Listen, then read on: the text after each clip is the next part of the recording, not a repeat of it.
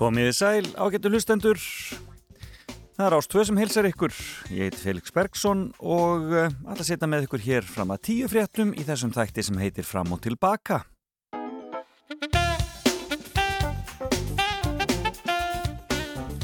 En eitt ásamlegu morgunin í höfuborginni. Það er að vísu daldi kallt en það er svo bjart og fallegt og mikið voru í lofti ykkur neginn og það er dásamlegt. E, vona að það sé e, ágætt hjá ykkur annar staðar á landinu. Ég veit að það er daldi kallt við það en svona er þetta nú bara og e, við bara tökum því sem hverju eru hundspiti og vonum að það fara að lína hjá okkur fljótlega. Enda komin 10. mæ og e, Ég vonaði fylgist með eh, svartrestinum okkar á rúfmönduris, svo líka hægt að finna eh, krumma þarna einhver starf á netinu sem er í vefmyndavél, alveg svakalega gaman að fylgjast með þessu og eh, já, maður svona, maður svona, já, maður eiginlega festist á svona, á svona fugglavarpi þegar það er í gangi, maður getur ekki hægt að horfa, allt í unni fer fugglin og maður hugsa hvað er að gerast núna, allar hann skilja ungan eftir? og svo framvegis og svo framvegis, þetta er alveg magnað. En, um, en það er sem sagt fugglavarpið sem að tengist landanum sem að um, er á rú.is og, um, e, e, og svo eru þeir hérna í Bíkó og Selfossi með, með laupin og krumma. Það er mjög skemmtilegt að fylgjast með þessu. En það er líka verið líka gaman að fylgjast með fram og tilbaka í dag. Ég fæ góða gesti hérna til mín. Ég fór út í bæ og talaði við Sigurjón Jónsson sem er jarðeðlisfræðingur Eh, en, og profesor við háskóla í, í Sáti-Arabi en hann er heima núna og hann hitti fyrir tilvílun fyrir 16 árum Florian Schneider sem að var í hljónstinni Kraftwerk einn af prímusmótorum hljónstinna Kraftwerk og svona einn aðal hugmyndasmiðurinn hann, en hann fjall frá í vikunni og þá sá ég að Sigurjón deildi þessari sögu um fund þeirra, óvæntan fund þeirra og hann ætlar að segja okkur þá sögu hér og eftir og við heyrum aðeins af, heyrum aðeins svolítið á tónlist kraftverk í kjálfærið þetta og um, e, og það er raun alveg ótrúlega saga. Og síðan ætlum við að fá hér rétt og eftir hann að Lilju Katrínu Gunnarsdóttur fyrir undir eittstjóra DFF, bladamann og ja, e, allt múli mannesku aðtapnakonu Eh, hún ætlar að setjast hérna hjá mér og hún er með fimmu, skemmtilega fimmu sem tengist í Eurovision, nema hvað við erum svo mikið þar með hugan þessa dagana. Og svo verður fréttageturinn á sínu stað en við byrjum með þetta á lagi dagsins og lag dagsins er frá 2017 það tengist Eurovision. Þetta er hinn íslenska útgáfa af laginennar eh, Sölu. Og kannski spurning hvort átt að fara með þetta svona til Kiev. Ert eins og eldur Ör og stundum vildur En hvað með það? Já, hvað með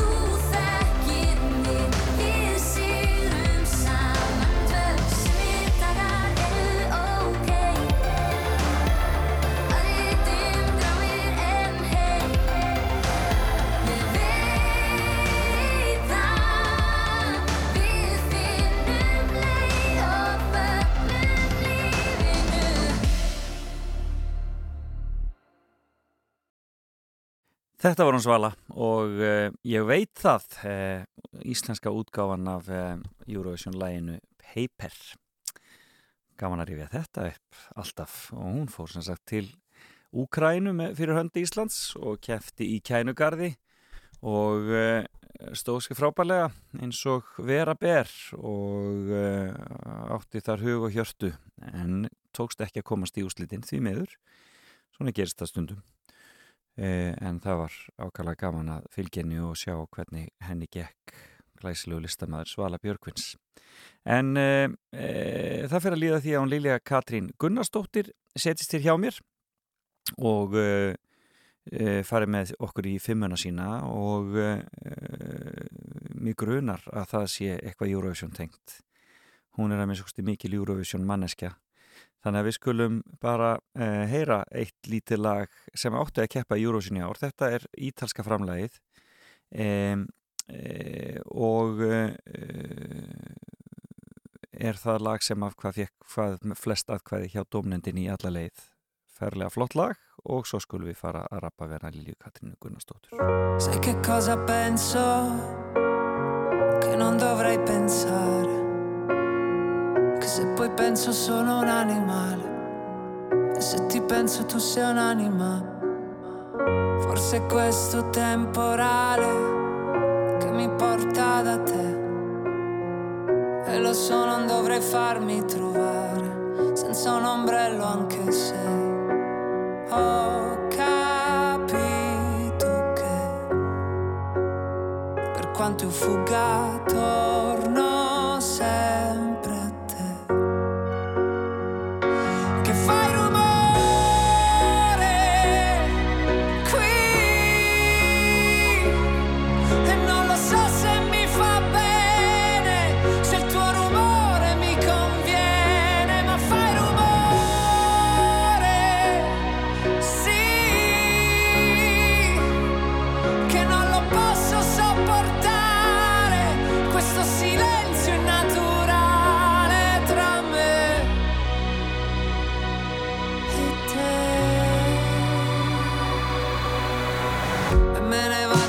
senza parlare, senza un posto a cui arrivare. Consumo le mie scarpe, forse le mie scarpe sanno bene dove andare. Che mi ritrovo negli stessi posti, proprio quei posti che dovevo evitare. E faccio finta di non ricordare, e faccio finta di dimenticare.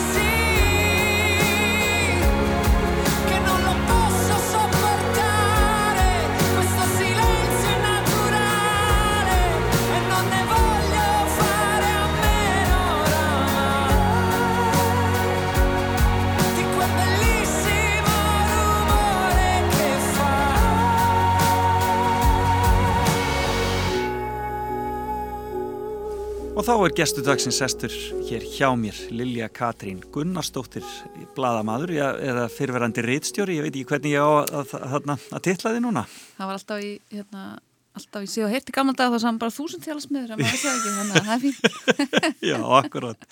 En velkomin. Takk fyrir, takk fyrir. Um, uh, hvernig hefur þessi, þessi COVID-tími verið hjá þér? Mm, aðeins öðru sen ég bjóst við þa þar sem ég hætti í vinnunni þarna í byrjun samkomiðbans þá sá ég fyrir mér aðeins öðru sem uppsagnarfrest en þetta hefur bara verið fínt ég, við höfum bara verið mikið saman fjölskyldan og maður finnur fyrir því núna fyrst að uh, það er mikill söknuður í sund og að geta svona farið svolítið meira út af meðal fólks já. Hvað, hvað áttu af, áttu af börnum? Heru, það er alveg heill hellingur svona nútíma, nútíma fjölskyldu minnstur Já. Eina sem er að vera 5 ára í júni einn sem er 10 ára svo er eitt fóstursónur sem er 15 ára og svo eru tvei, ungumenni sem búa í skúra á lóðinni hjá mér Já. sem er sem sagt hérna sonur mannsins míns og kjærstan hans En skemmtilegt. og tveir hundar og alveg hellingur af fiskum, ég get ekki talið það eins Þannig að það eru góðar vestlanaferðir. Já, ég var í bónus aðan það, hérna, það tekur í það var hann ansið sterkur Já, akkurat. Heyrðu, en það er, uh, er fimmannín og hún er Eurovision tengt. Já uh, hún snýst kannski ekki beint um uh, lögin eða flytjandur mm. -hmm. heldur meira um svona hvað Eurovision hefur kent mér Já, uh, þannig að þessi keppni hefur fyllt mér allt mitt líf og uh, ástriðan og áhugin hefur uh, vaksið mikið sérstaklega svona síðasta áratví já, og ég hef lært afskaplega mikið af þessari keppni. Þetta er ekki bara glimmer og glans eins og Nei, þú veist. Nei, nei, þetta er bara, ég, ég er mjög með um það. Það er ímislegt annað sem fylgir það í já, kjálfarið já, já, já, og hugssjónur og annað slíkt. absolutt. En, um, já, ég vil það ekki bara byrja Já, ég fyrsta, fyrsta, fyrsta, fyrsta lærdómi. Já, fyrsti lærdómurinn er sá hvað samvera fjölskyldu skiptir ofbóðslega miklu máli Já, og hvaða skiptir miklu máli að fjölskylda geti saminast yfir einhverju. Það er nefnilega svolítið vandasamt. Þegar það eru alls konar personleikar og, og aldur spili breytt þá, þá getur það að vera svolítið snúið. Já, og þetta lærði ég uppvexti mínum. Ég var fjórara þegar að Gleðibankin fór út og ætlaði að sigra heiminn. Já, og strax þá, út af þá var búið að vera ríkja svo mikil eftirvænting, þetta veit ég bara, ég man náttúrulega ekki sérstaklega mikið eftir þessu, hérna verandi þetta lítil, en það var búið að ríkja svo mikil eftirvænting, hvenær verður Íslandi með? Og Svo loksins kom að því. Og þá var náttúrulega bara fjölskyldu gleði, það var bara snakk og ídífa sem við fengum aldrei. Og, og nammi sem við fengum aldrei. Og gós sem við fengum aldrei. Og þetta var því líkur viðbúnaður sko, þetta var bara eins og ármáttsköp.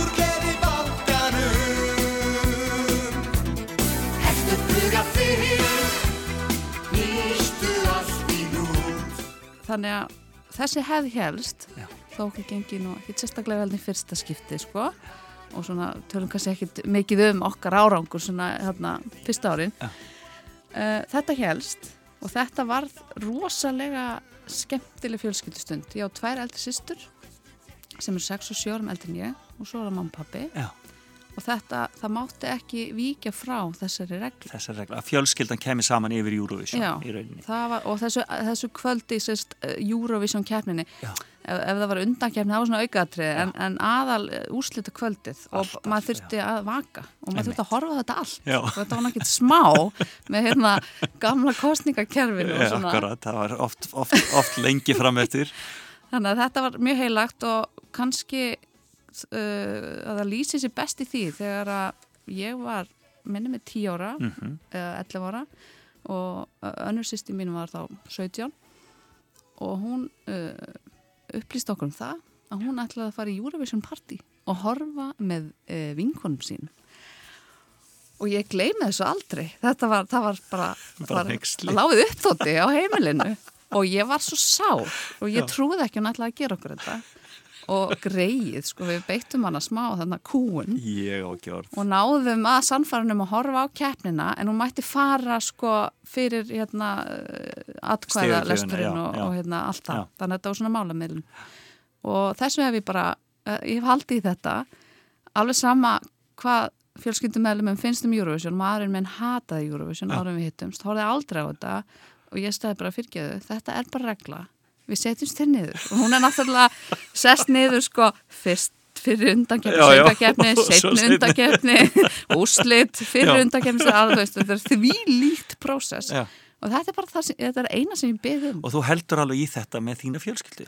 algjörlega. Já. og þetta er, það, það er bara, ég er ekki að segja að hafi snakk og nammi bara hérna Nei, sex nei, kvöld í nei, sko. nei, nei.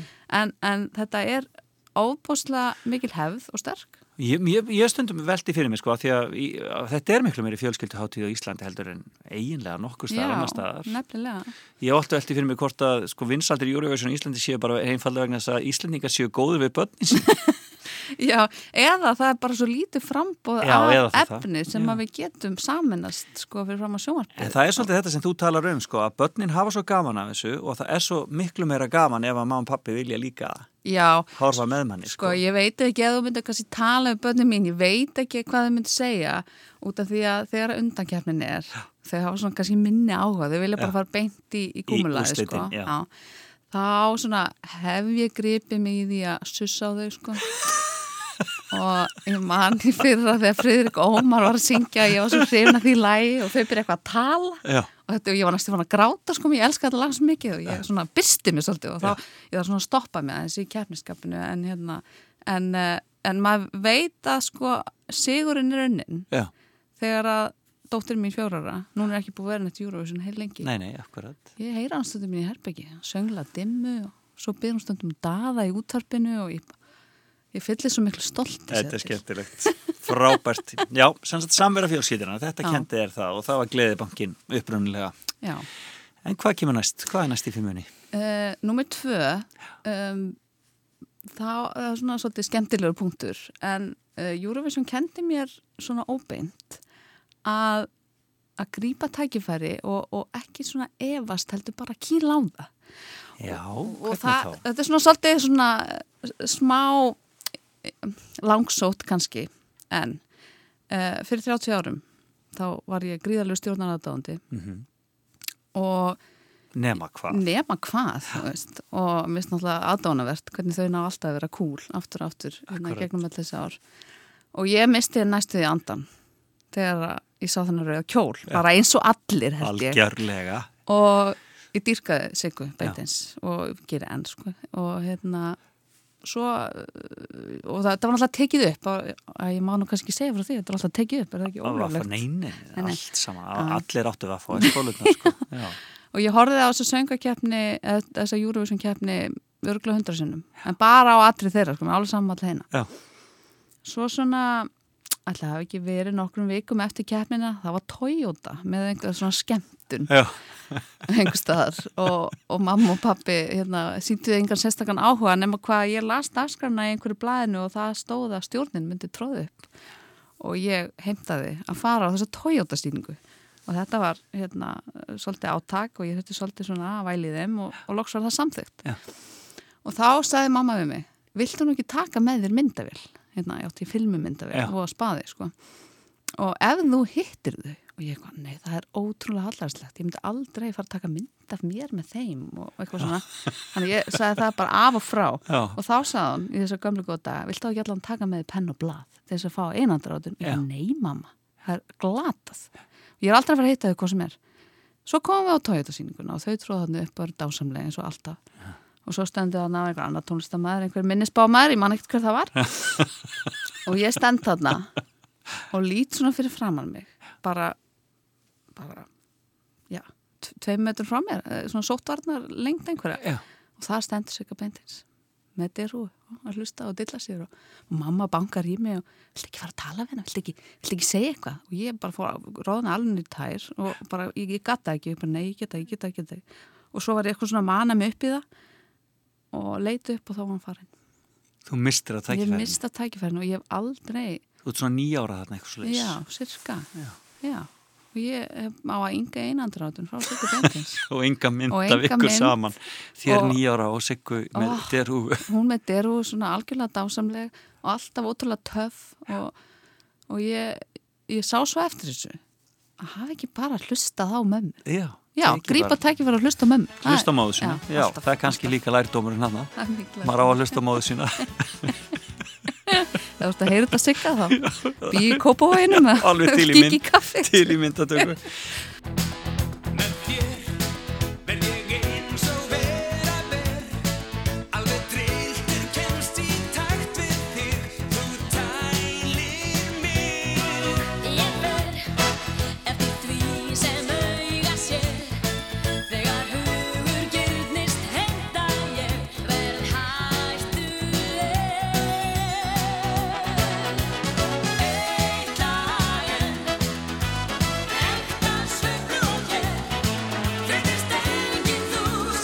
Þarna, hvar ólstu upp? Í breiðholtinu, Já, í fellakvarinu þú ert villingur. Já, Svona ég er Breiðholtsvillingur? Já, það má segja, ég var samt minnstu villingur í heimi og var Nú, mjög já, hrættu já. villingana þannig að hérna, þeir voru nú meinlusi sko.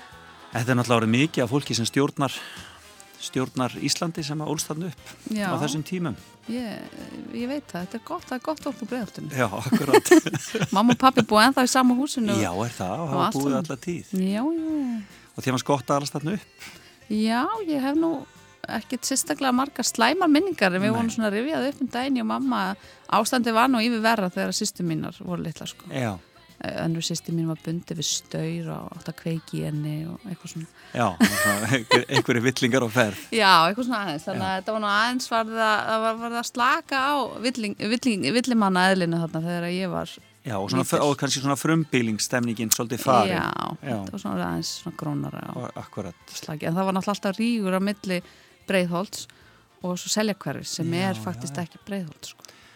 einmitt, sella og selja þó, alltaf þó, se, þó, þó selja hverjus búar vilja halda því fram að þeir búi í breiðholti en það er ekki þannig sko. uh, ok, en þú en varst í fellaskóla? Já, já, alla tíð. Alla tíð fellaskóla, skemmtilegt en, en uh, þannig að það hefur ekki þú er ekki getað hugsað að fara með fjölskylduna þá aftur upp í breiðholt? Eh, Nei, eh, nei, mér finnst hérna óbáslega kósi að koma heim til og pappa já, og lappin í gamla herbyggjum mitt og það er allt eins. En þegar maður er í hjónabandi þá þarf maður að miðla málum. Sannarlega já. og nei, það var kannski ekki staður sem ég, langaði kannski til þess að búa. Nei. ég, einhvern veginn, þó að mér finnst alltaf gott að koma ángað ég þekki hverfið inn og út og allt það. Og finnst dásamlegt að margt sem hefur komið úr breiðaltunni þá svona langaði mig að prófa eitthvað nýtt. Já, einmitt. Skiljanlega. Mhm. heyrðu, það eru komið að þriðju þriðju kennslustund, Eurovision kennslustundinni. Já, sko, þriðji punkturinn Já. er hérna uh, mikill svona vendipunktur í mínu lífi. Nú, það munar ekki um það. Uh, það munar ekki um það. Uh, þriðji punkturinn er í raun að Eurovision kendi mér mikilvægi þess að eiga góðan vin. Að, Já, mikilvægi vináttunar mm Þannig er mál með vexti.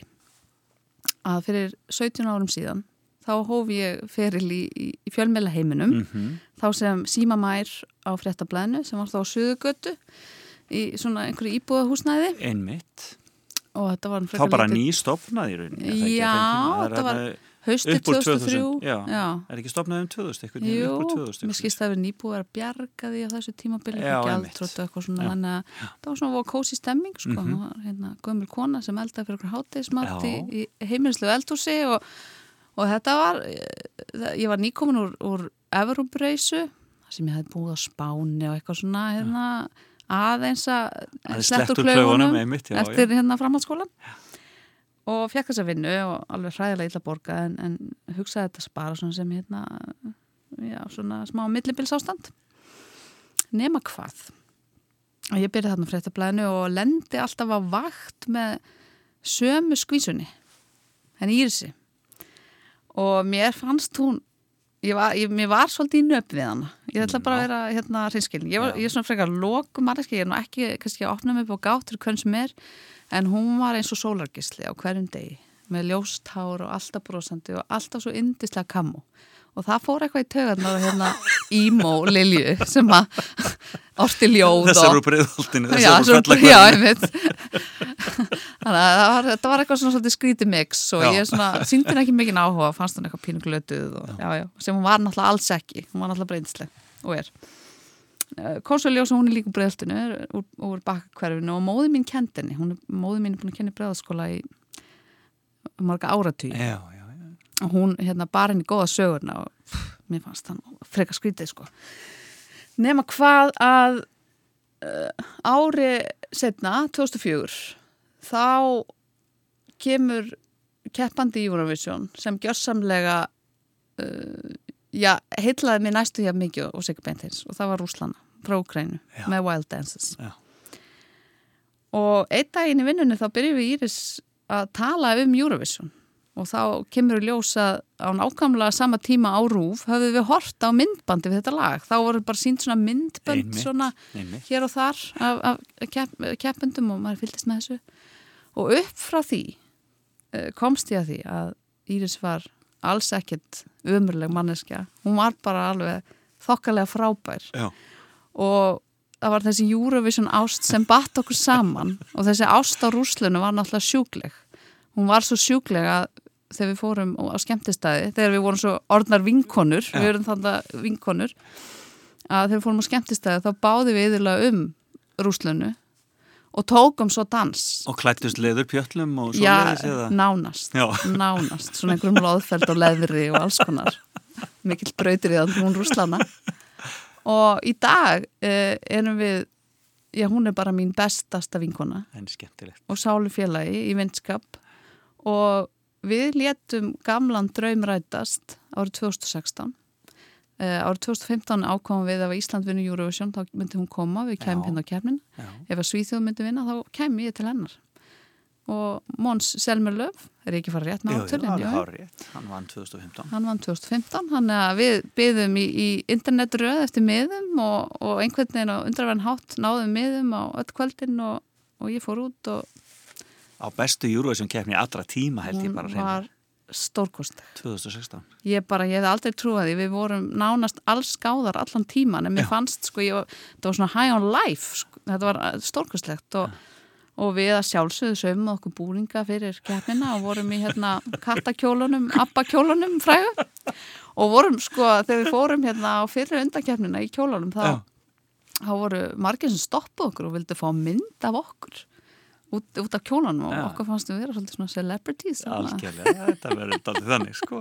En skemmtilegt. Já, þetta var svona virkilega góð vinátta sem spratt upp úr þessu Eurovision-æfintýri öllu saman og, og skemmti nú ekki fyrir þarna 2016 að Sergi Lazarev minn Já, Eh, sló öll met með, í sviðsetningu með, Egiði, egiði sameiginlega þá ást nei, nei, það var hérna, við vorum þarna í salnum og hann, Sergi okkar, hann var á sama kvöld og Greta Salome Einmitt, já, alveg og við heldum náttúrulega óbúslega mikið með henni Mhm. en uh, svo kom Sergei sko.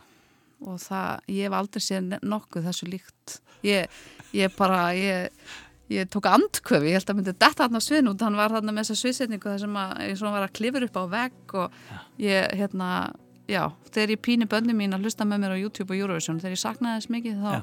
þá er þetta alltaf fyrsta lagi sem ég spila sko, þið verðið að horfa á það, horfið á þetta.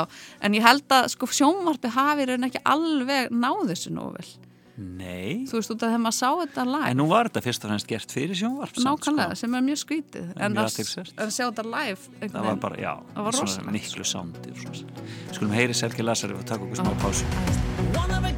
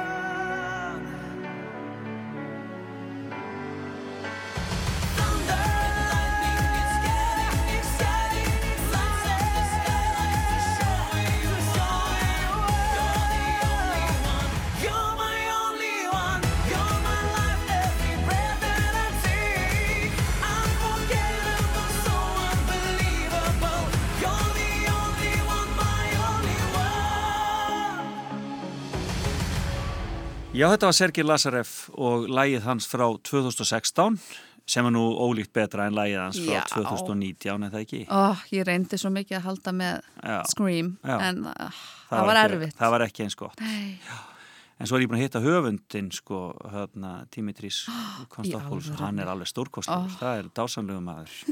En það er annar mál. Lilja Katrín Gunnarsdóttir situr hér hjá mér og er að fara í gegnum fimmuna sína og e, við erum búið með þrjá hluta af þessari því hvað Eurovision hefur kent þér. já.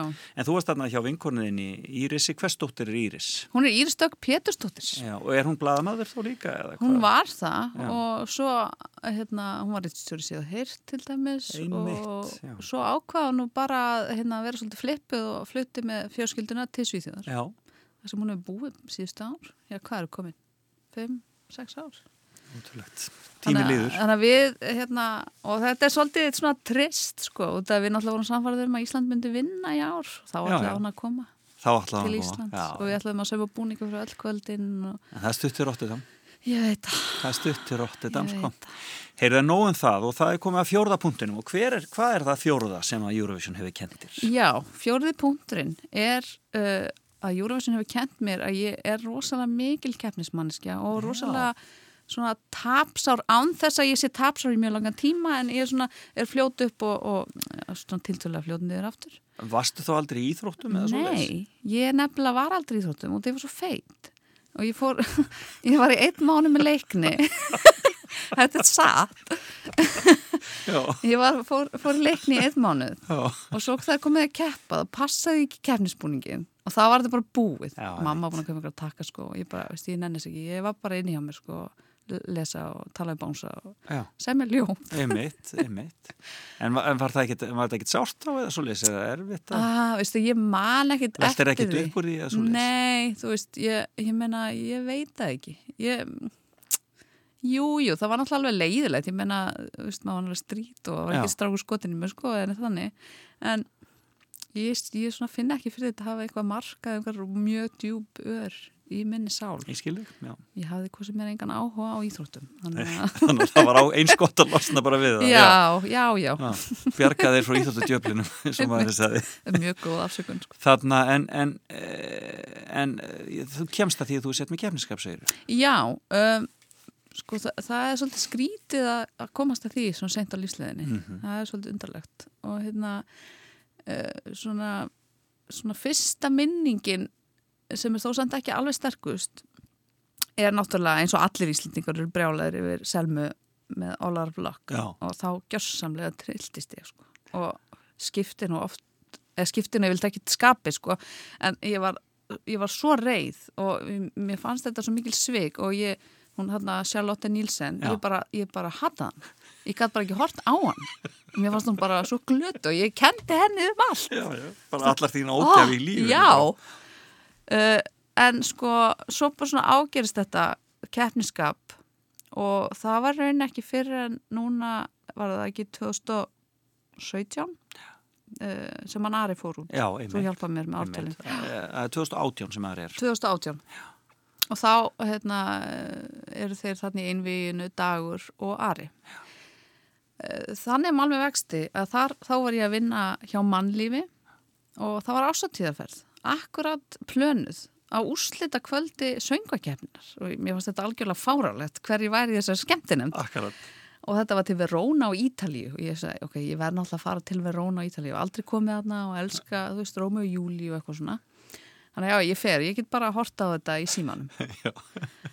Nei, og án þess kannski að gera mig grein fyrir að það er ekkit allstar hlaupið að því að komast á internetið, þú veist, allstar í heiminum. Uh, að við, við förum þannig til þess að ásættíða ferð ég skil börnin eftir heima með einmanninum og byrja vinsamlegast um að samt hafa kvöld og allir saman og láta mig vita og senda mig myndir svona, og það ég fekk smá móral yfir því sko Tryggja þetta fyrir lið. Já, Já. tryggja allir séu saman. Já, og sagði með hvernig þetta halda á svona Stjórnari svo fjarlægð. aðeins Já. og þannig að lögataskvöldið þá er ásættíða kvöldverðurinn þetta var nú ekki svo sem stór hópur það við vorum inn á veitingastað og við vorum þrjár eða fjórar uh, konur hann að búin að sagt, uh, leggja ráðinu það að við myndum bara streyma í símanum og leggja hann svona frá okkur þegar að kæmi eitthvað sem okkur, þetta er ekki skemmtilegt en við myndum streyma úrslitunum og vera með sko. og ég eitthvað, ok, ég sættist á það. Svo var ekkert netin á veitingstanum ekki, ekki þrýrki, ekki fjóri, ekkert. Nei.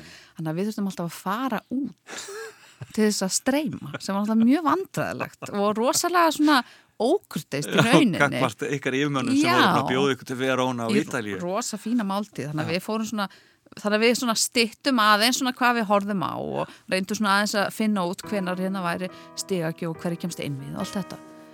Og ég held svo með degi ég bara trúði ekki öðru en hann myndi komast áfram. Ég gjössamlega elskaði þetta lag og hann og bara allt. Já. nema hvað Í brjósti mér brennum vonum betri tíðir óska mér og svo ósk Hvað róðum lífin sama hvert litið er þar byrtistu mér.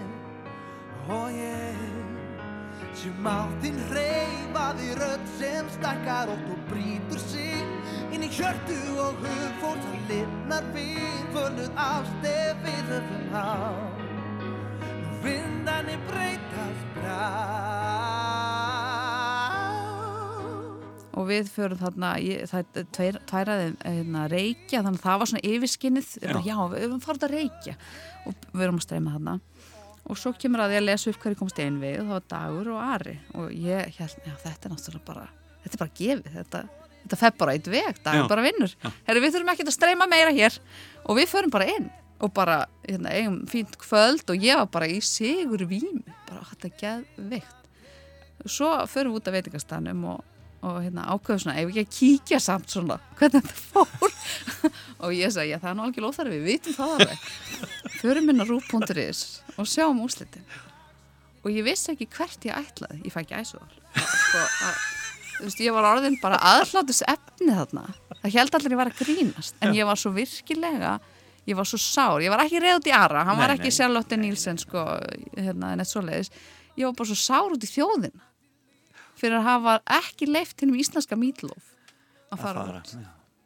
og þá svona komst eða þetta er, þetta er meirin áhugamál. Ég, ég er svolítið all in í þessu öllu saman. Og það er kannski 50 punkturinn Fymti punkturinn er í fimmunni. í fimmunni algjörlega. Hvað hva Eurovision skiptir mig ofbóðslega miklu máli. Og ég finn það best núna. Að ég, ég hef alltaf dýft mér eða svona síðustu kannski 5-6 árin hef ég svona dýft mér í þetta. Mhm. horta á allt í undan keppninni hérna heima og spáspeglar að skrifa eitthvað svona mína spá á einhverjum bloggsíðum og eitthvað svona uh, og skrifa marga fréttir um Eurovision algjörlega fyllt í eftir og, og, og verið ja, bara all in. Horta á alla leið veist, og láti krakkan að horfa alla leið svo þau getur nú undibúið sig veist, og svona ótrúlega svona ströng Eurovision mamma. Og núna er svona ákveð tóma rúm. Og mér finnst svo skrítið að segja frá þessu. Maður hljóma náttúrulega eins og að segja eitthvað að. En þetta En í rauninni, já. Eurovision depression hérna, þegar maður kemur heim af Eurovision. Ég fann ekki sérstaklega mikið fyrir því þegar ég fór að þessa einu keppni en ég finn ábúslega mikið fyrir því núna. Þurfa að býði heilt ár eftir keppninni. og ég horfa alveg allar leið og, en það er bara ekki eins Nei, Það er ekki sama svona öðruvísi, spennan, Já, sko. já, já því þú ert aldrei að fara að sjá þetta á sviði Nei. live eins og, eins og það sem Eurovision er, þannig að það er nú söknuðurinn. En við ætlum samt að reyna Já, á já. rúf og þá að fara að sína gamla keppnir og svona, þetta verður ógeðslega gaman. Já, mér finnst það frábært, þú veist, mér finnst það algjör snild að sé svona verið að reyna að gefa okkur eitthvað. Í dag á sunnundi, ég held að ég að sína 2015, ég sína Vín, þannig að þú færð, Það færð eitthvað skemmtilegt Það, þar. er- það er náttúrulega mjög góð Það minningar. er geggjuð keppni, Já. algjörlega geggjuð keppni. Hún er frábær. Já. Heyrðu, en það er aldrei list, þannig að þetta voru punktarnir fimm. Já. Mikilvæg fjölskyldunar og vináttunar, hvað maður getur verið er tapsár. Já, þetta er mjög skemmtilegt, Já. bara mjög En, skemmtilegt. en ég, ég verð samt að spyrja þig, hvernig var rúsneski handlitshöndurinn? Þannig að, nei, hann hérna, uh, Er hann, laga, hann er úgrænskur? lagahöfundurinn, Er hann hann, er- er grískur, Hann er grískur? Dimi- Dimitris Kontopoulos. Ó, ég held að hann- ég held alltaf að hann var rúss. og hefur, hefur eh, gert fullt af uh, skemmtilegum Eurovision-lögum í gerðin tíðina hann samti Shady Lady og, og allt þetta alltaf fyllisu og, og hana, hann hefur orðið tvisvar í öðru sæti og tvisvar í þriða sæti í Eurovision. Hann á, hann á mjög flottan feril hann, aldrei unnið. Þannig Vá, að það er ennþá er speisa. og hann á til dæmis gríska í ár þannig að það er frábær, frábær náðingi Hann en það er önnur saga. Heyrðu, en hvað er þetta þessu? Ég frétt af eh, einhverju sem heitir Varasjóðurinn Já, hvað getur þú sagt mér um það? Ég frétt af því bara núna um daginn því ég heyrði einu Guðnýju Pálsdóttur já, þetta er þess að konundar sem að standa bak við allra vörum. Já. Ég og eigin maður minn, Guðmundur Ragnar Einarsson, höfum svona verið að hjálpa þeim. Hann er hérna, vefhönnur og vefgúrú og, og góð markasmaður. Þannig að við erum svona hjálpað þeim að kynna það. Þetta er í rauninni svolítið skemmtilegt og, og sætt verkefni að, Já.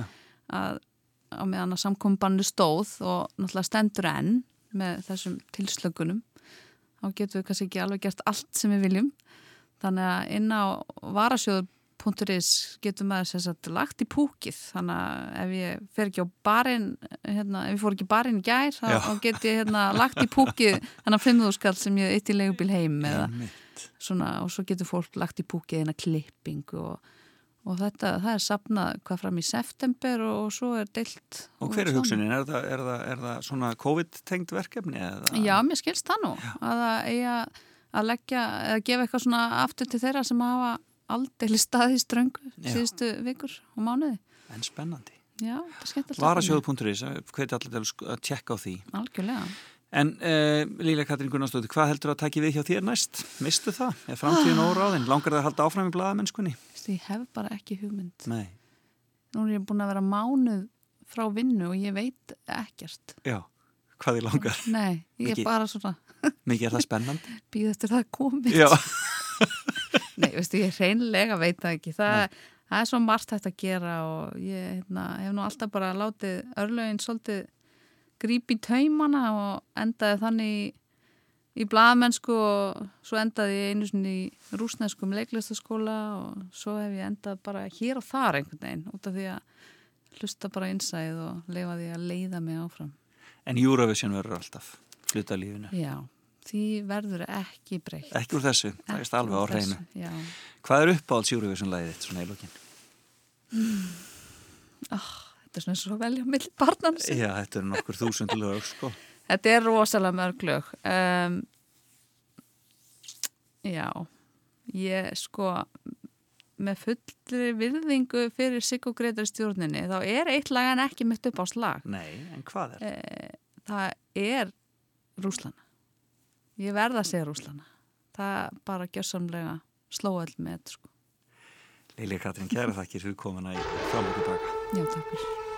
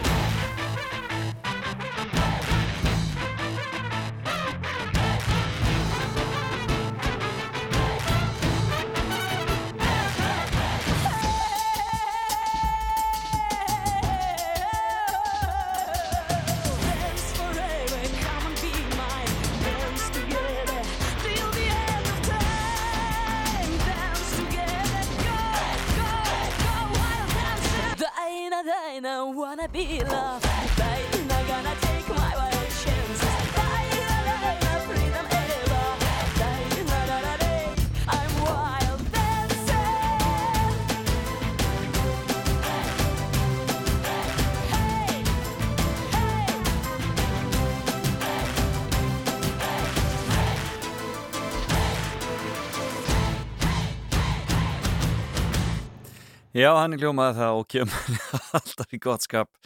Wild Dances og þetta verður þetta án Rúslana úr Eurovision keppninni. Já, og Lilja Katrin Gunnarsdóttir. Þar með farin á dyr, dásan þetta að fá hana hér í heimsókn. Ásunutasmotni. Velkomin á Fætur. Fram og tilbaka á Rástöðu.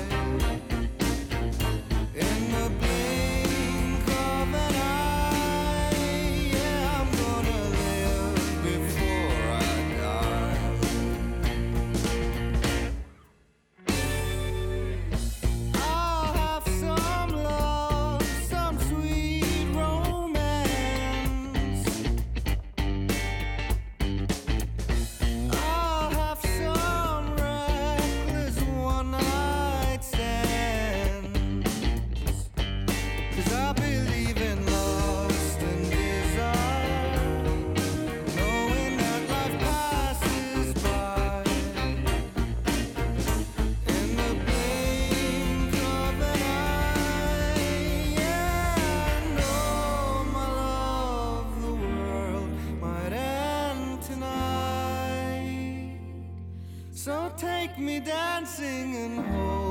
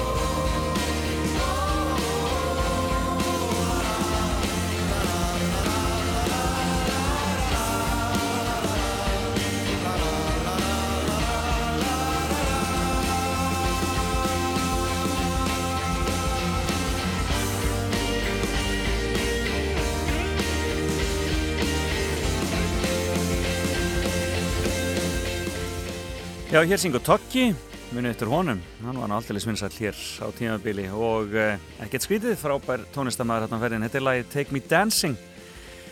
En uh, hér eftir nýju þá ætla ég að heyri honum eh, Sigur Jóni Jónssoni sem er um, jarðeðisfræðingur, professor við háskóla í Sáti Arabíu en er á Íslandi í, í uh, augnaflíkinu og ég fór í heimsótt til hans með börnin leikandi í gardinum og mikið fjör og um, við settum staðins í sofan og röppuðum um kraftverk og ótrúlegan fund sem hann átti með Florian Schneider, einum af uh, stopn meðlumum kraftverk já, fyrir algjöra tilvílun í Bern árið 2004 og það verður saga sem þið fáið að heyra hér eftir klukka nýju og svo ætlum við að sjálfsögðu í frétta getraun og spila skemmtilega tónlist, höldum okkur við það.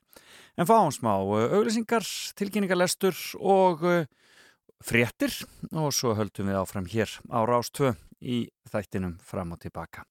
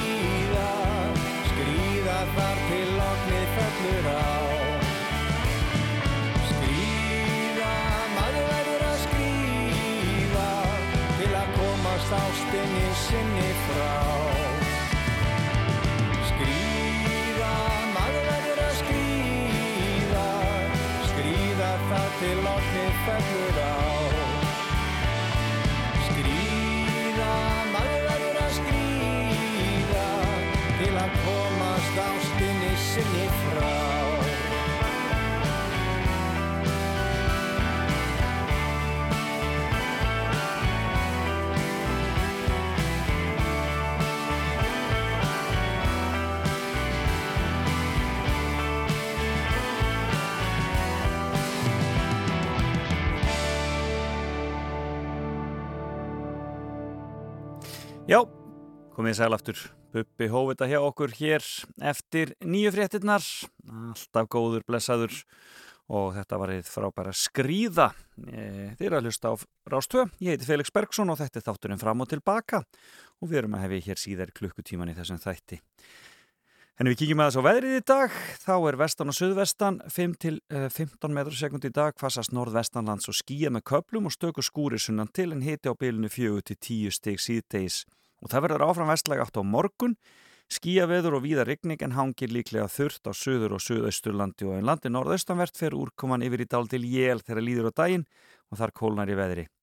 En á þriðu dag er útlið fyrir hægan vind á landinu skýjað veður og þurft en dál til rigning siðst á landinu fram eftir degi og hitin 3 til 9 stig. Já, það er ennþá 10. mæ þannig að við bara tökum hverjum degi eins og hann er og uh, þetta bara lítur ágætlega út. Við erum minnst ekki, við erum minnst ekki í bláum tölum svona í augnablíkinu minnst hér á lálendi. Meira á tónlist, hér er þessi strákar sem kallar sig The Weeknd og hér eftir smá stund ætlum við að heyra Jónu Sigur Jónu Jónssoni og kynnum hans að hljónstinni Kraftverk. Það er skemmtilegt.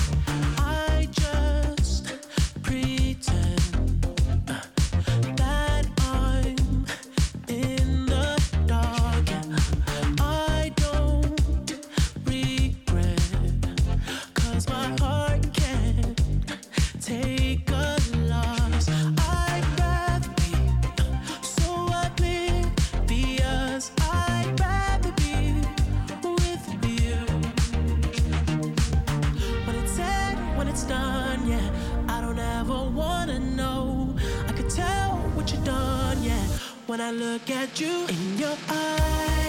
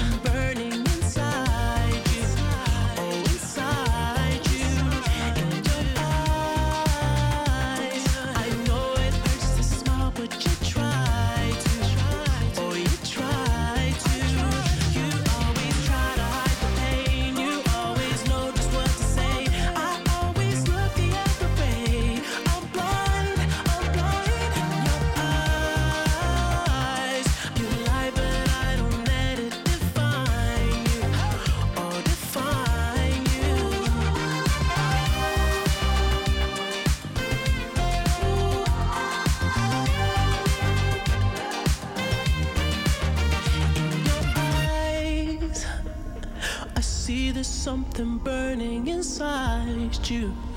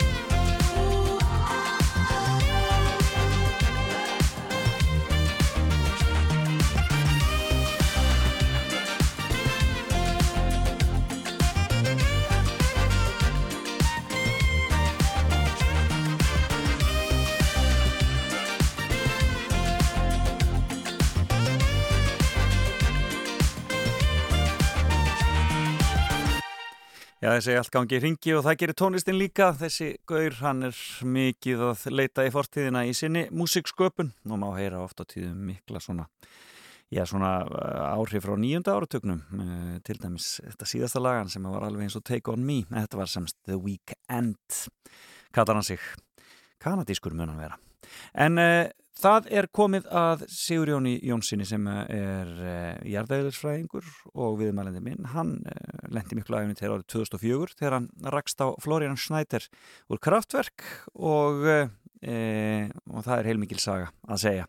Uh, gerist í Bern í Sviss en við munum heyra aðeins af tónlist kraftverk líki leðin. Ég fór sannast heim til Sigurjóns og og hans fjölskyldu og óttu það spjall, gott spjallið hann í stofinni og í, í góðaverðinu gær má við heyra börnin í nágrunum leika sér í gardinum fyrir utan. Og það er bara skemmtilegt og svona átt að vera á góðum vor degi en hérna er semst Sigurðun og Kraftverk.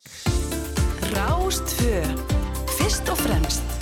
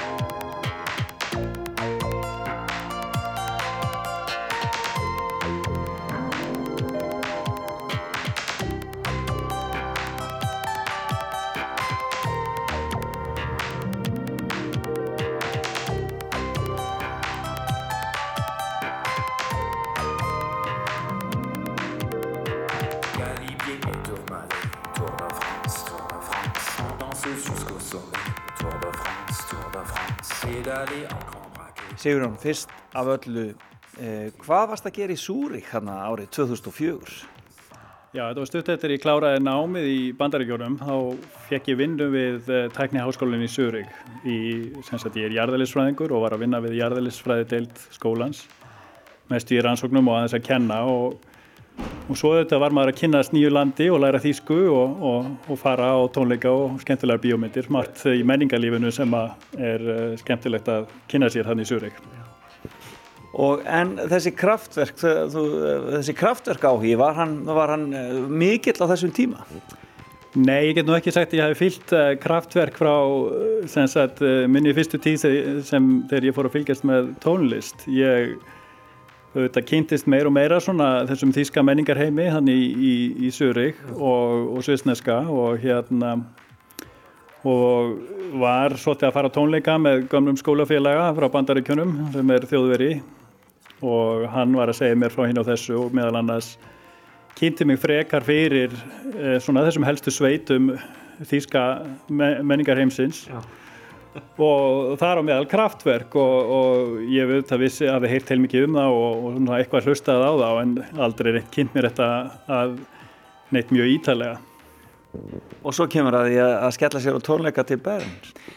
Jú, svo kemur það til að, að þegar maður er þarna úti þá eru þessar stóru sveitir ofta að túra og margir möguleikar að fara á tónleika og við sjáum þarna að, að kraftverk er að auglýsa hérna tónleika í Bern og þetta er sko 2004 og laungu eftir kannski hérna hátind uh, þessara sveitar en uh, þeir greinilega voru að túra aftur og kannski ekki með mikið nýtt efni eða eitthvað slíkt en sjálfsagt nýtt sjó og okkur fannst þetta mjög spennandi. Þannig að við ákvæmum að drífa okkur og, og þetta helgaðist eða bara til, þetta var að vorlægi í mæ, dásanlöftu veður og við legðum bíl og keirðum til Bern frá Sörig, er eitthvað svona um klukkutíma. En höfum ekki mikið verið í, í Bern áður og, vorum svona, ég má að segja, hálf, hálf eh, týndir hérna í bænum og vissum ekki alveg hvar, hvert við ættum að fara. Og þetta er nú í rauninni fyrir tíma snjallsíma. Þannig að maður gæti ekkert leitað upp í hvar þessi tónleikastaður var.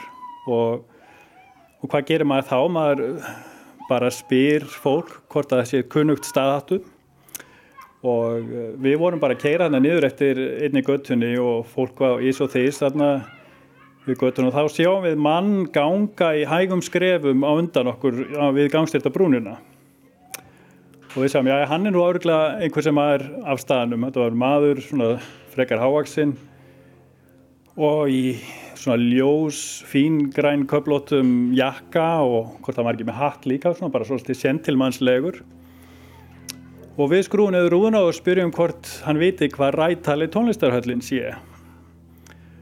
Og hann tekur niður sólglerugun og brosir já, ég ætti nú að vita það, segir hann. Og þá kemur það í ljós að þetta er Florian Snyder hérna einn af meðleikunum um kraftverk og fyrir algjera tilviljun er hann akkurat sá eini og sá sem við spyrjum til vegar hann í, í Bern. Og þetta er um miðan dag og tónleikarnir eiga að fara fram þarna um kvöldið.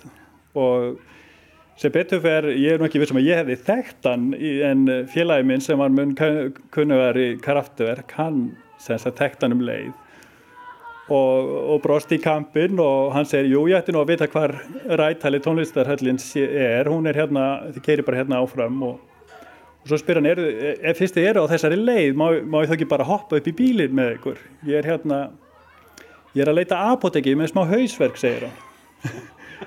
Og við höldum það nú, jú, alveg sjálfsagt mál, hann fái nú að fara í bílinn og, og hann er semst að var að gangi hann í gamla bænum í Bern á leiðin á aðalbrautastöðuna bjóst við að finna apotek þar.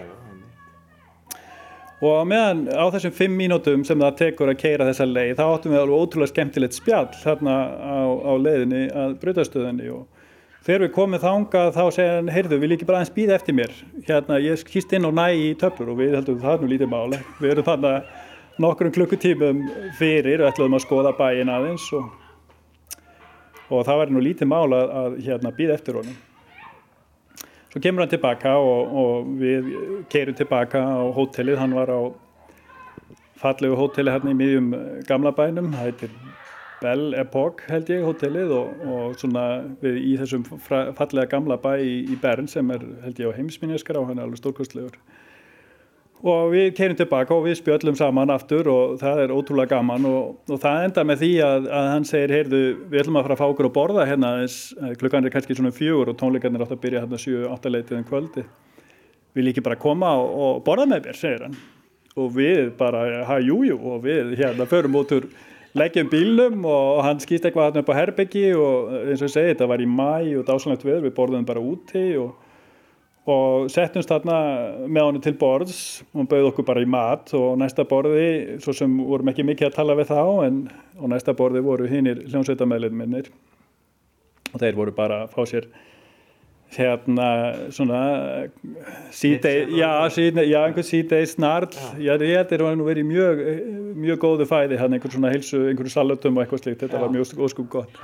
Og þarna spjöllum við hann bara yfir mat í klukkutíma eða svo og, og það var alveg ótrúlega skemmtilegt. Hann var að segja okkur frá hinn á þessu bæði sem sagt hann uh, hvernig þetta kom til með kraftverk en svo líka annað sem hann hafi gert kannski eftir að hljónsveitin svona dróð sig hans í hlýje og, og lág í dvala þá fekk hann uh, ég held að það verið í Karlsrúi fekk hann vinnu sem sem hérna svona háskólakennari í já, ég, ég ætla að gefa í sviðslist eða svona fjöl, media art ég, uh, og, og hann sá okkur svona aðeins frá því og, og talaði þar það sem eru svona eftirminnilegt, þetta er nú auðvitað orðið langt síðan, ég man nú ekki allt en, en það sem er eftirminnilegt er þegar hann fer að tala um mann sem uh, hétt Óskar Sala.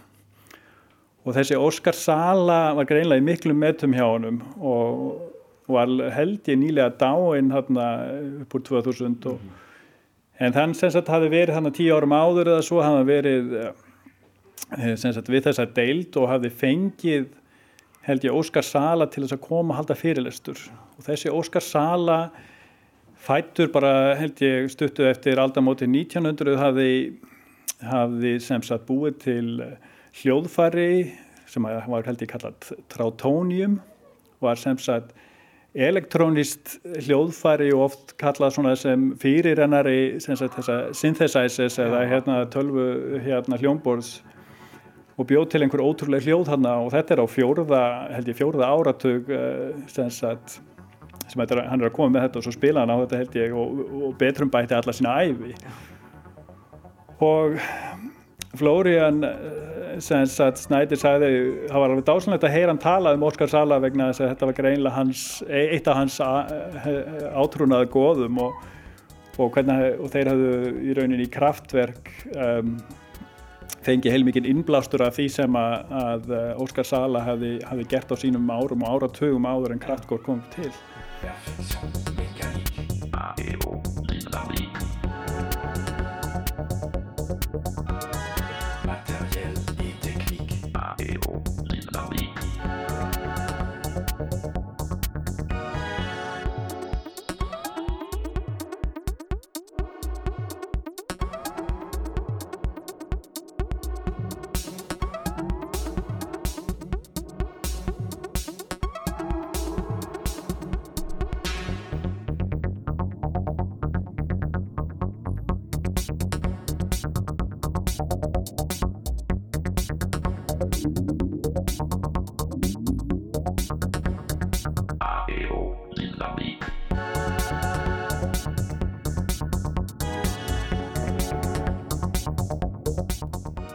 svo kom Goebbels eitthvað þarna við sögu.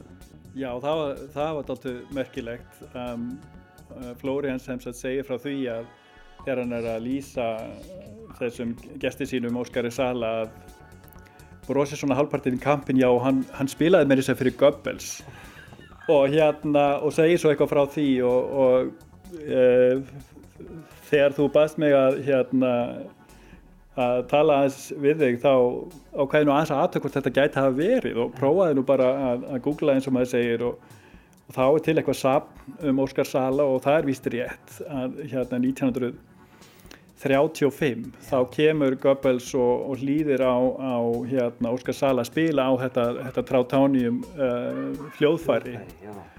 Og það stendur þarna í, í, í safninu að, að, eða semst á þessari heimasíðu að það sé lítið annað vitað um þennan fund nema einhverju tíma setna hafði Óskar Sala uh, sagt frá því að Goebbels hefði spurt hvort hægt væri að spila á þetta hljóðfæri á starri samkomum sem sagt en hérna en þetta er svona Það getur ímyndið hvaða samkomur það hafa verið. Já, einmitt, það er svona spurning hvort hefur verið hérna einhverja fjölda samkonu til Já. þess að, já, ekki fara nánar út í það. En, En hvernig fer svo með tónleikana sjálfa þarna um kvöldið? Þetta, þessi laug nú ekki þarna, var það?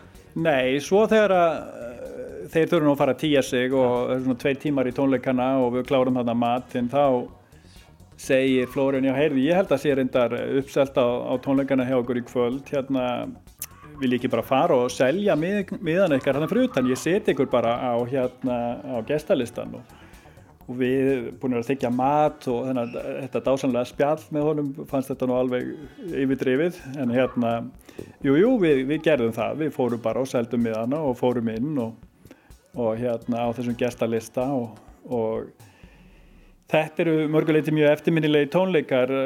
Uh, kraftverk er auðvitað hluta til bara öll þessi saga í kringum þessa, þetta, þessa tölvumúsík og, og hérna þeir spiluðu auðvitað blöndu aðlæði þessi gömlu lög og, og, og voru svo með kannski svolítið nýtt, uh, þetta er mjög mikið sjó, þetta er svo mikið mikið hérna myndmál líka, bæði hvernig þeir bara standa svona statískir hérna uppi á sviði og reyfa sér valla en svo á bakgrunninum er öll þessi þetta ótrúlega litasjó og þessi sem, sem, sem vísun í hinn á þetta myndmál í, í þýska menningarheiminum. Þannig að mjög eftirminnilegi tónleikar og, og eins og segið, helmingurum af tónlistin hinn helmingurum var í rauninni bara upplifunin og, og, og öll, allt þetta myndmál Og þið hafið síðan bara haldið aftur heim til Sjúrik eftir að tónleikunum laug?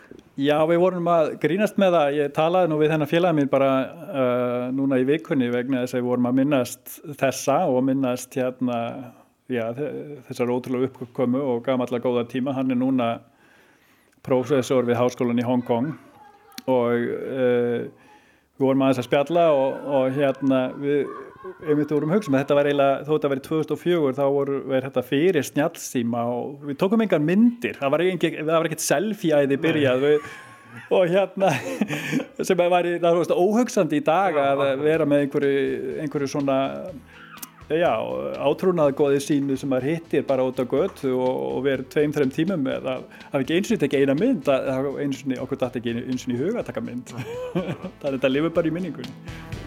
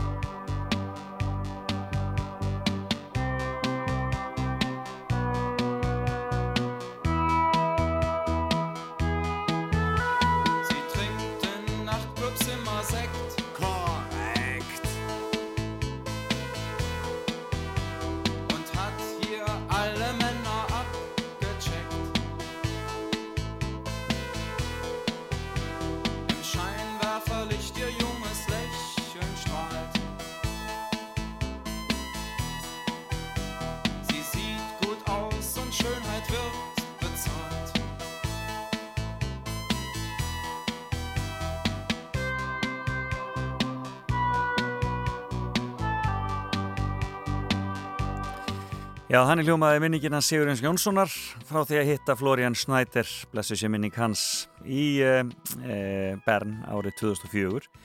Kraftverk voru stopnaðir árið 1970 og e, það er skömmu eftir þarna að Sigurjón hittir Florian Schneider sem hann yfirgefur hljómsdina, það var árið 2008.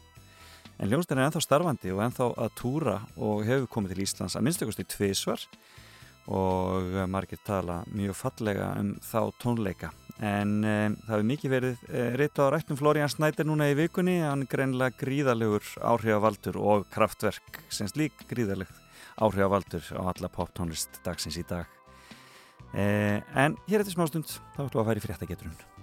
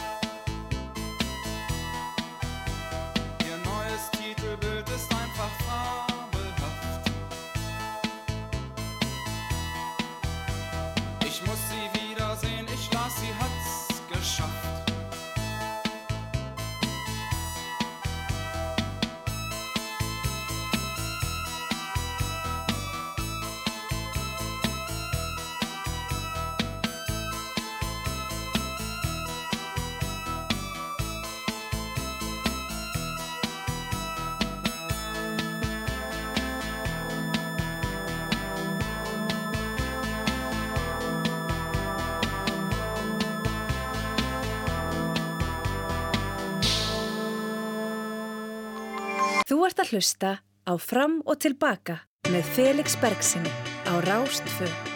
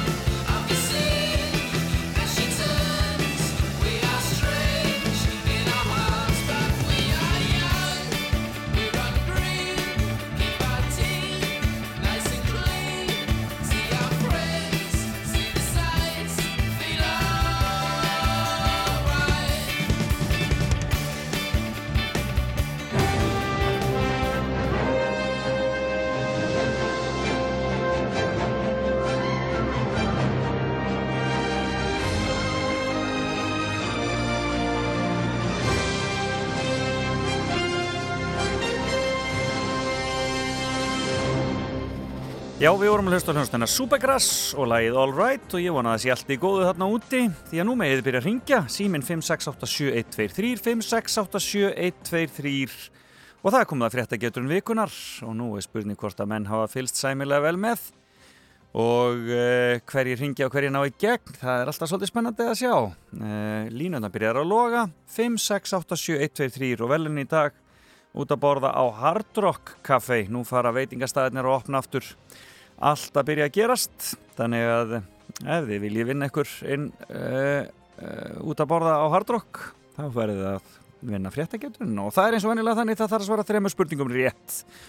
Byrjum hér. Góðan daginn. Góðan daginn. Sælubles, hvaðan ert þú að ringja? Ég er í Reykjavík. Þú ert í Reykjavíkinni og fylgist vel með fréttum. Já, eitthvað. Já, þetta er náttúrulega dý- dynur á manni stöðugt allstaðar sko. En við skulum svona reyna að halda okkur minnst frá þessu COVID-dæmi í fréttunum í dag. Já. Og uh, já, við skulum hafa þetta bara þannig. Heyri, við skulum byrja hér. Um, í vikunni lést þekktur bandarískur tónlistamæður 87 ára, mikill áhrifavaldur. Og ég spyr hvaða tónlistamæður var það? Nei, ég bara veit ekki. Þú ert ekki með það? Hann hafði mikil áhrif bæði á Prince og Elton John og fleiri bítlana. Nei, ert ekki með það? Viltu skjóta? Nei, ég... Nei, þú gerð það ekki. Heyrðu, kæra það ekki fyrir að ringja. Já, bless, bless. Já, hver var það sem lést í vikunni? Góðan daginn. Góðan dag. Halló? Góðan dag. Sæl og blessu. Veist þú hvað tónlistamæður þetta var sem dó í vikunni? 87 ára gammal. Nei, nei. Nei, enginn sem kemur upp í hugan. Uh, nei. Nei, allt í lagi, takk fyrir að ringja. Bless, bless. Já, við skulum heyra næsta. Góðan daginn. Halló. Heyrir Ríman, þú ætla að þú er eiginlega slökk á útvarpinu þínu þarna. Halló. Góðan daginn, sæl og bless. Veist þú hvaða tónlistamæður þetta var sem að dói í vikunni? Hét hann ekki litlu, litlu röð? Nei, ég maður ekki. Nú mannst það ekki. Heyrðu, takk fyrir að ringja. Takk. Nú er einhverju farnir að æpa útvarpinu. Góðan daginn. Já, góðan daginn. Sæl og bless. Veist þú hvaða tónlistamæður dó 87 ára gamall í vikunni? Það, það var Ríkar Ölisi, Little Richard. Little Richard, já. Það er svona, þegar maður veit þetta, þá, er að, þá, þá finnst manni alveg ótrúlegt að fólk veit þetta ekki. Þá var þetta alltaf svo yfir. Það er svo auðvelt, sko. Að, en ertu, ertu mikill, eh, mikill rock áhuga maður? Hefur fylgst með Little Richard í gegnum tíðina? Nei, ekki meira en hver annar. Þetta er bara maður hefur heyrt Jónu í útarpinu og, séð hann í bíómyndum og svona. Akkurat, er mitt. En hvaðan þetta ringja? Er ég eru Reykjavíkinni. Já, þú veitir við ekki góða verinu. Já, en svo komið þér En sem komið er, já, akkurat. Heyrðu, þú komið eitt rétt og þá skulum við fara í næsta. Um, e, e, e, það er hérna. Í vikunni voru listaverk eftir þær Önnu Hallin og Olgu Bergmann í fréttum fyrir óvennilega staðsetningu í opinbæri byggingu á Íslandi. Og nú spyr ég, í hvaða byggingu eru þessi listaverk þessara góðu listakvenna staðsett? Já, nú mann ég ekki þegar að vera ekki fræða. Nei. Þannig að þetta kemur ekki það kemur ekki til þín. Nei, þetta er svona Ég er að gefa þetta frá mér. Heyrðu, ok, kæra þakki fyrir að ringja Takk, Ráflis Já, góðan daginn. Halló? Heyrur í mér Já, góðan daginn. Sæll, veist þú hvar þessi listaverk þeirra Olgu og Önnu eru staðsett? Nei, ég hef ekki hugmyndu það því miður. Nei, allt í lagi. Takk fyrir að ringja Bless, bless. Nei, hann vissi það ekki. Góðan daginn. Á, Þessi veit það ekki heldur. Nú bara stoppa alla línur. Þetta er kannski svolítið erfitt. Ég hefði held þetta allir vissi þetta. Góðan dag. Ný, ný, ný. Það er bara deyr allt hér. Góðan daginn. Góðan dag. Og veist þú hvar þessi listaverk eru staðsett? Já, nei Þetta er aðeins óvunnilegur en það. Þetta er í opinberi byggingu. En kæra þakki fyrir að ringja Takk. Já, það er þetta Anna Hallin og Olga Bergmann. Og hvar, góðan daginn. Góðan dag. Ég heyri það, Já. það er verið að ræða þetta hann á heimilinu veistu hvar þessar, þessi listaverk eru staðsett ég heyri að þeir eru mjög á þeir eru mjög heitt, hvað sem öðru líður Já, ég held að þetta sé á Holmsöðunni í fangilsinu. það er hár rétt hjá þér Það er bara hár rétt. Þetta er í fangilsinu Hómseiði. Vel gert. Hvaðan eru þið að ringja? Ég er í Móselsbæ. Þú ert í Mósesbæ. Já. Heyrðu, þá skulum við bara kýla á þetta áfram hér og þú þarft að reyna að klára þrjá spurningar réttar. Eh, í vikunni voru tveir bandaríkjamenn handteknir fyrir að reyna valdarán gegn fósetta sem heitir Nicolás Maduro. Hvar er Nicolás Maduro fósetti? Um, er það ekki Venezuela? Það er hárrétt hjá þér. Hann er í Venezuela. Þú komið tvær réttar. Og þá skulum við spyrja hér að lokum, sjá hvort þú klárar þessa. Hér. Í vikunni átti stjórnmálflokkur á Íslandi uh, 20 ára ammæli. Hvaða flokku var það?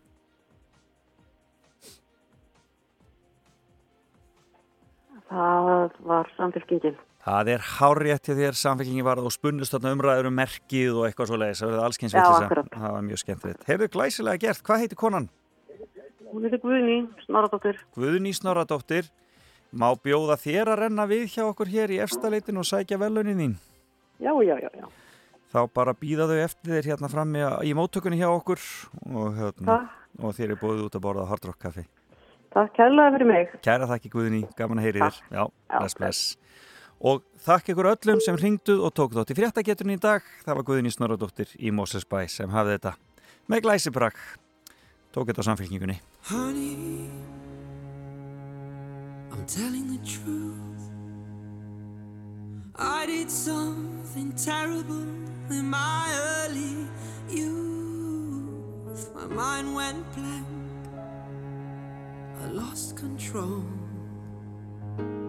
I was just a little boy. I did not know. Better let you go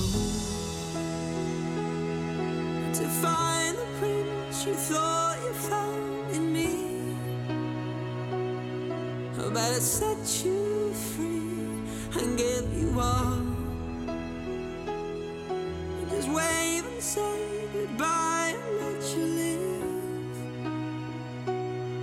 without a monster like me.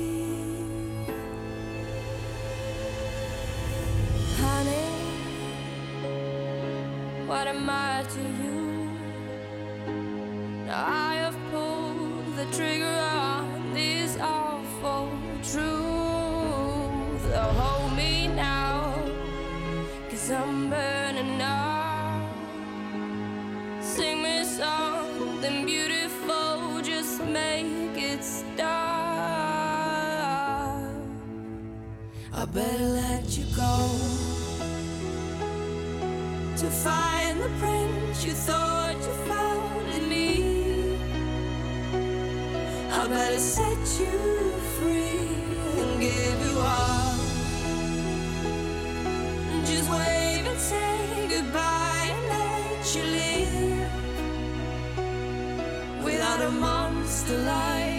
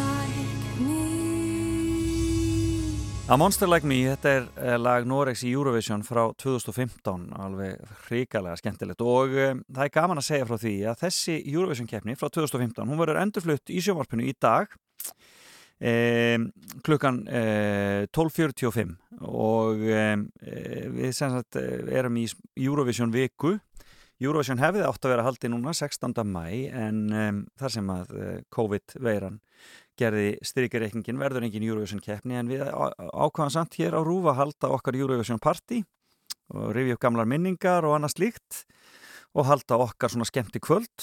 En uh, eitt hlut af þessu er að, að endur sína gamlar keppnir og í dag er það Vín frá 2015 á morgun mánudag er það Moskva frá 2009 það er þegar Jóhanna Guðrún eh, varði í öðru sæti og þar er þölur Sigmar Guðmundsson síðan á þriðudaginn er það Jérúsalem frá 1999 þar sem Gísli Martin Baldursson er þölur og þá tók Selma þátt uh, á miðugudaginn er það 1998 í Birmingham á Englandi þar sem Páll Óskar Hjálmtísson var þulur og uh, síðan 5. daginn 14. mæ um, þetta er allt saman svona yfir daginn sem þessar endursýningar frá fram og svo jafnvel endursýningar á kvöldin en um, þá er það sem sagt á 5. daginn er það Zagreb frá 1990 það var eitt lag enn þegar stjórnin var og er lengt í fjóðasæti og þar er þulur Artúr Björgmund Bollason, þetta er skemmtilegt og svo, förstu daginn 15. mæ er það Brussel frá 1987, þulur þar Kolbrun Halldórsdóttir og það var söngkonan Halla Margrét sem tók þátt með lagið hægt og hljótt og lögadaginn 16. mæ verður korki meirni minna endursýning á Eurovision 1986 í Bergen og uh, það er Gleðibankin og þulur Þorgir Ástvaldsson þannig að ég held að þetta verði skemmtileg veisla og svo er allt hitt sem er í gangi við ætlum að kjósa okkar tólstig Daði Freyr verður með tónleikabeint frá Berlín og svo Eurobandið með svaka Eurovision Party hér 16. mæ, þannig að endilega takið þátt í Eurovision gleðinni með okkur hér á RÚF Beint úr efstaleitinu í Reykjavík. Fram og tilbaka á Rástfö.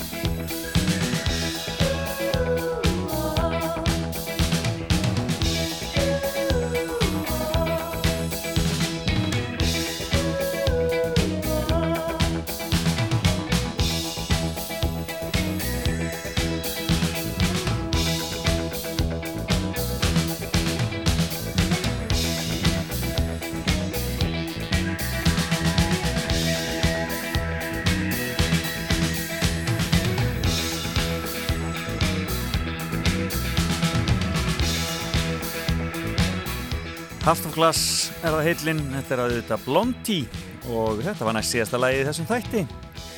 E, og e, það er bara dásanlegt að setja hérna með ykkur.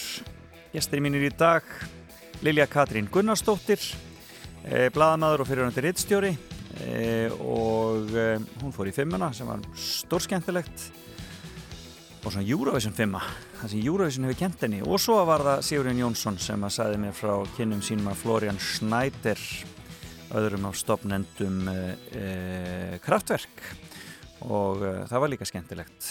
En það er mikill dagskraf framöndan hér á Rás 2 Jón Ólússon fer að taka hér við eftir smá stund. Og ég sá að hann kom með vínilinn með sér. Og ég sé ekki betur en að það sé hemmi Gunn sem að er vínillin hans í dag frískur og fjörugur. Og svo eftir hátíð þá er það uh, sunnudagsögurnar og þær komað norðan. Eins og áður og eins og undanfarið og það er hún uh, Gíja okkar Holmgersdóttir sem sér hann þáttinn og gestur hann er í dag Þorbergur Ingi Jónsson sem ég hef nú uh, ykkur tíman talað við í útvarpinu. Ótrúlega mikill afreiksmaður ofurhlaupari. Eh, og eh, hann er að eh, útfæra utanvega hlaup sem haldi verður á Akureyri síðsumars. Skemmtilegt. Og svo erum við Marget Blöndalmætt klukkan þrjú í okkar tímaflakk. Og ætlum að skoða þessa vordaga árin 57 57 67 77 87 já, já, já, ná að muna þetta. Já, það sem ég er búin að gera þetta. Og e, það verður skemmtilegt. Og svo er það um, Rocklandið hjá Ólapalla og þar er það Stranglers. Þeir voru líka að missa einn meðlemanna stofn meðlemanna í vikunni.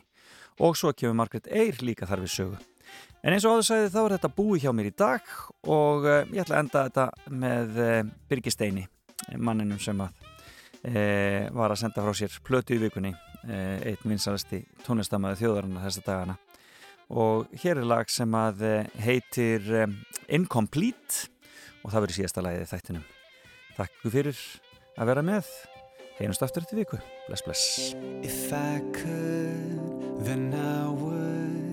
Go back in time to right the wrongs. So I should always true.